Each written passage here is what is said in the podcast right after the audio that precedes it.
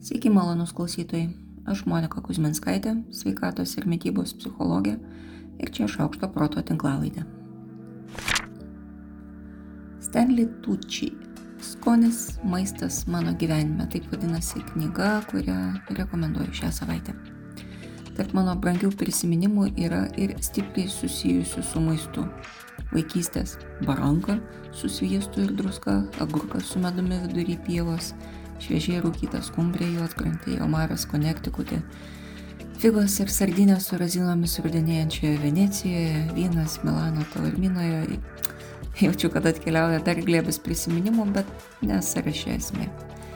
Jei atrandam, kad į maistą galim žvelgti su meilė, kaip išviesę savo gyvenimo dalį, tai taikus ir šviesų santykiai su maistu turi labai tvirtą atramą. Maistas nepuola, jis netyko, jis nekenkia, Jei maistą žiūrim su meilė ir rūpešiu, jis mumis taip pat rūpinsis. Žinoma, kad mes patys renkamės maistą, bet galiausiai savo sprendimą darysim remdamėsi tinkamu pagrindu. Stanley Tucci apie savo santykių su maistu rašo švelniai, šiltai ir jautriai, taip kaip linkėčiau kiekvienam. Keliaujant kartu su jo puslapiais galima pasimatuoti, ką tai reikštų ir jums, jei toks jausmas jūs lanko retai, arba pasimėgauti dalyvavimu puikiai autoriaus pasakojimuose istorijose. Tucci, skonis. Maistas mano gyvenime. Na dabar turbūt visai kitą pusę pasuksim, kai sveikai tampa svarbiau už pavalgyti.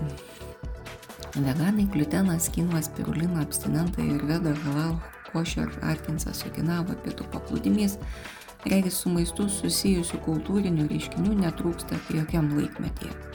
Kartu netrūksta ir spaudimo pritapti prie jų. Ir be jokios abejonės daugelis patarimų yra ir teisingi, ir turi savį labai daug ir tyrimų, ir pagrindų, ir ko tik norit, bet yra ir ta kita pusė. Kaip dažnai nutinka, visada būna tokių, kam šiaip jau žinios ir patarimai, kurių galima laikytis arba ne, tampa tikrų vaiduoklių. Kalbu konkrečiai apie ortoreksiją. Ortoreksija vadinama specifinis valgymo sutrikimas, apibūdinamas kaip lyguistas susirūpinimas sveika mytyba. Jis yra lyguistas, nes pradeda trukdyti gyventi įprastą gyvenimą, greuna santykius su kitais žmonėmis, užvaldo mintis, o kai nėra sąlygų suvalgyti tai, kas laikoma sveiku maistu, pagal to žmogaus supratimą, tai sukelia didžiulį nerimą, o dažnai ir maisto atsisakymą iš vis.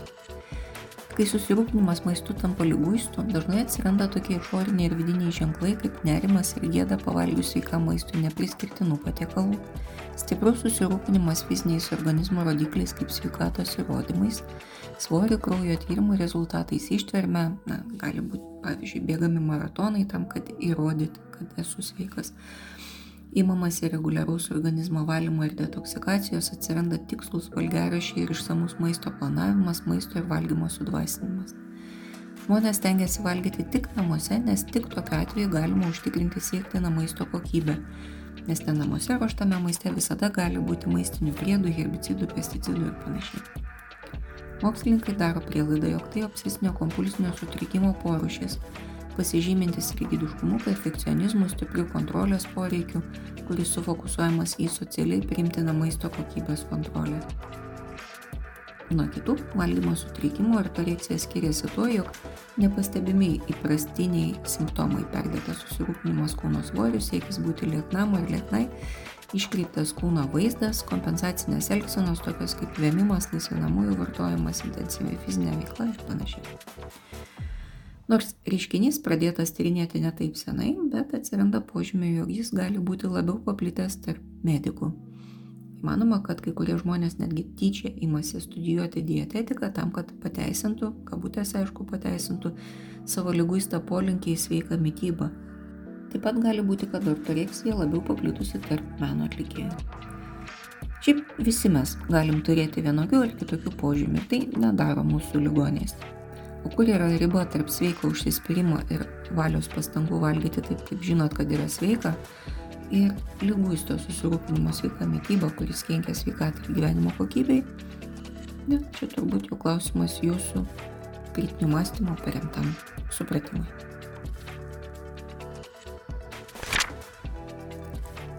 Ar fotografuojat maistą?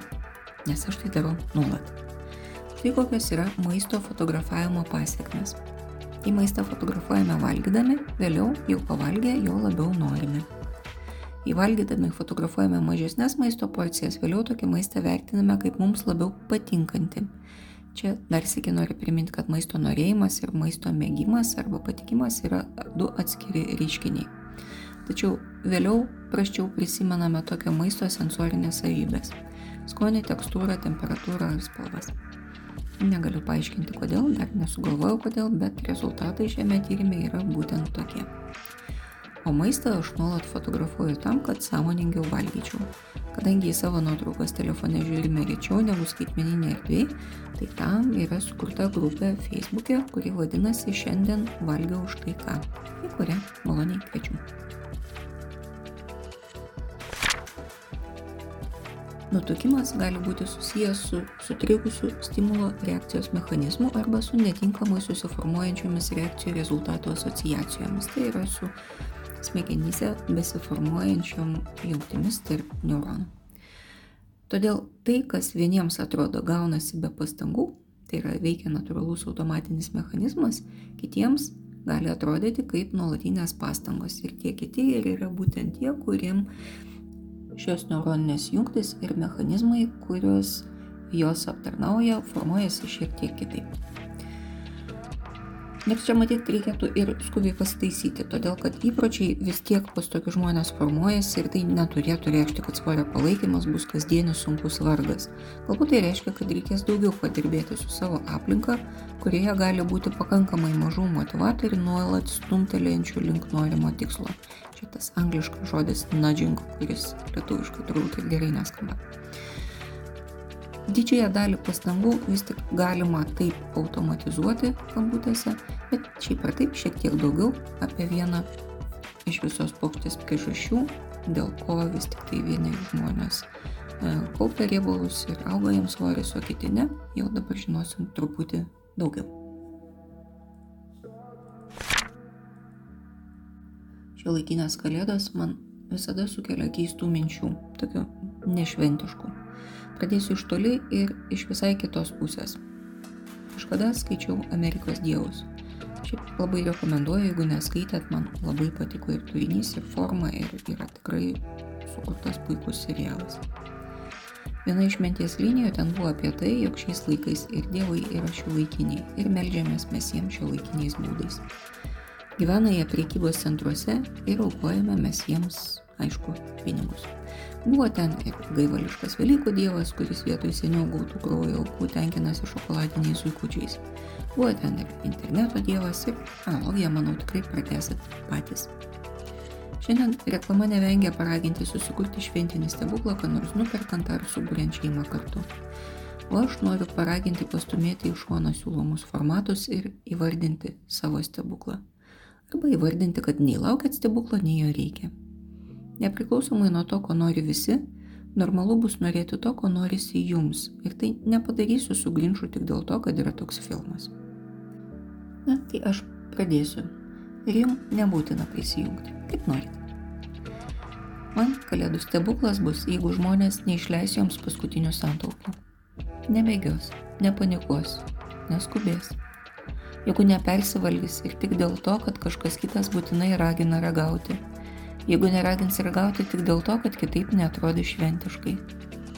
Jeigu nepersipiks su visais dėl to, koks tas stebuklas turėjo būti. Neleis laiko fizinėse ir elektroninėse parduotuvėse, eilėse ir prie paštomatų. Nereikalaus iš visų aplinkui išvesti, nes man atrodo, kad čia tik aš stengiuosi, o kiti mano pastangas tai sabotuoja jeigu nereikalaus iš visų šventinių dekoracijų šventinės nuotaikos, nes blizgutis yra tik blizgutis, o ne stebuklingas mygtukas. Jeigu žmonės leis savo ir būti pavargusiais, ir nuliūdusiais, ir piktais, ir nesišypsos iš pareigos tik todėl, kad kalendorius rodo kažkokią specifinę dieną. Man bus stebuklas, jeigu žmonės važiuos namo ne todėl, kad šventės ir kad reikia, o todėl, kad nori ten nuvažiuoti.